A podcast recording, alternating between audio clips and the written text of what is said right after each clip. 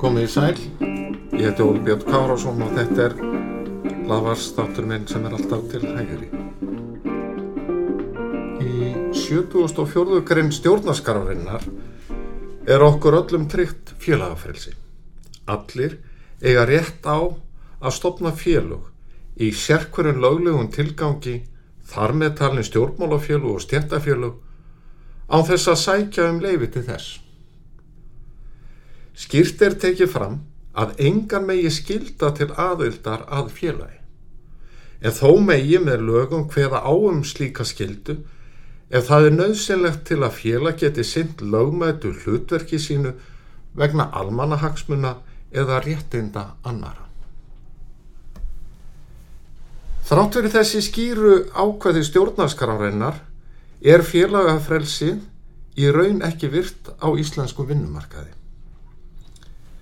Almenn lögjöf takmarkar rétt manna til að velja sér félag eða standa utan félags og það er gengið lengra en þekkist í nágrannarlöndum okkar.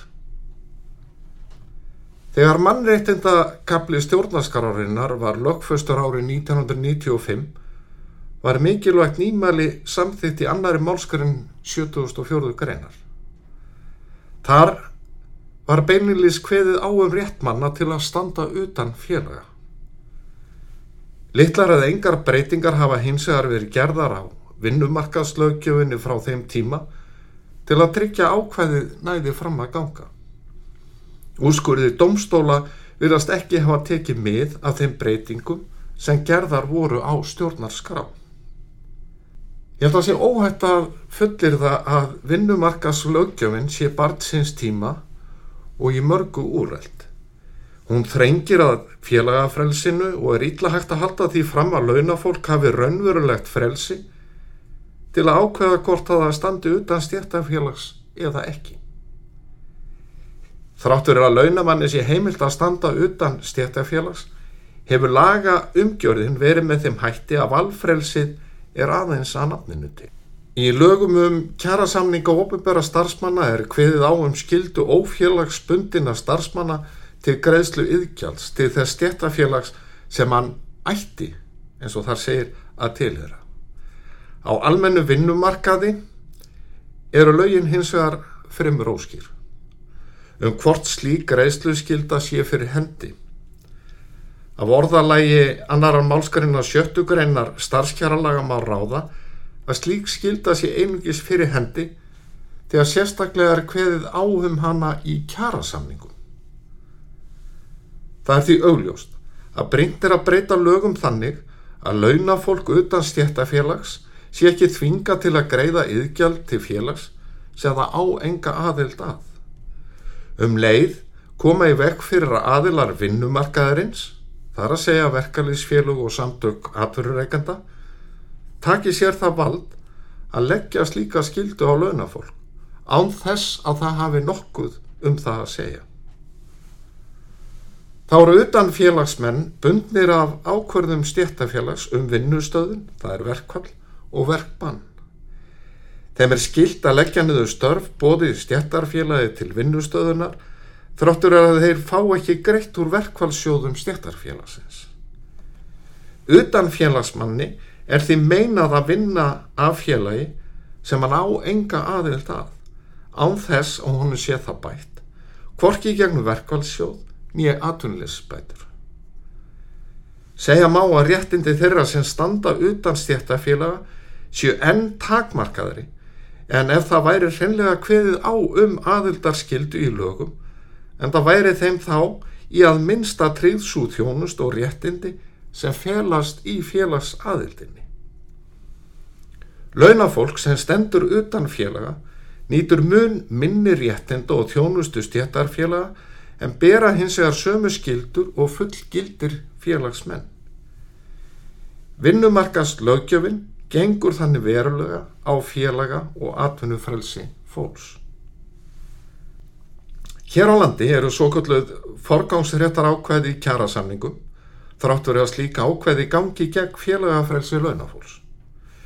Um er að ræða svo mikla þvingun að leggja má að jöfnu við skildu aðild að stjættarfélagi þar sem fólk er í raun útilokað frá tilteknum störfum gangi það ekki í viðkomandi stjættarfélag sem hefur forgang sangat kjara samningi við aðurreikundur.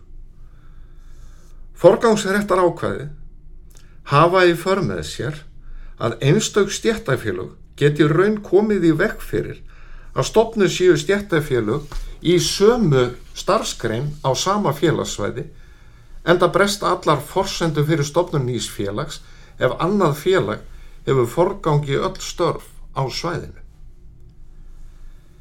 Þið sama á við þegar kemur að uppsögnum. Í framkvæmt er engin munur á forgangsréttar ákvæðum og hreinum aðildar skildu ákvæðum, þar sem niðurstaðan er alltaf svo sama. Valfrelsi er forsenda félagafrelsis og með forgangsréttar ákvæðum er launafólk svift raunverulegu vali um stjættafélags aðild. Nánast öll vestarann lönd hafa bannað ákvæði að þessu tægi með vísan til félagafrelsis launafólks. Þá hefur mannréttinda dómstótt Evrópu fjallað um forgámsréttar ákvæði í máli Sörensen og Rasmussen gegn Danmörku frá 11. janúar 2006. Af dómnum á ráða þá álygtun að bæði forgámsréttar ákvæði og aðildarskildu ákvæði brjóti gegn 11. grein mannréttinda sáttmála Evrópu. Í kjálfardómsins voru samþyngt lög í Danmörku um félagafrelsi og vinnumarkaði þar sem lagt er bann við forgámsréttar ákvæðum. En grunnskilda ríkisins er að tryggja mannréttindi borgarana. Þegar almenn lögjöf, dómafrankvæmt eða vinnubröð grafa undan þessu réttindum getur lögjafin ekki setið hjá. Á þessum sökum getur alþingi ekki komist hjá því að endur skoða vinnumarkaslögjöfuna og tryggja í reynd félagafrelsi í samræmi við ákvæði stjórnaskar.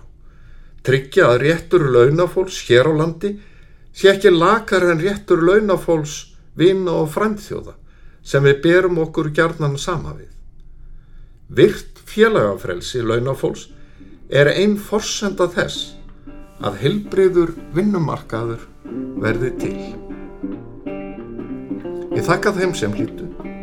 Ego stundir.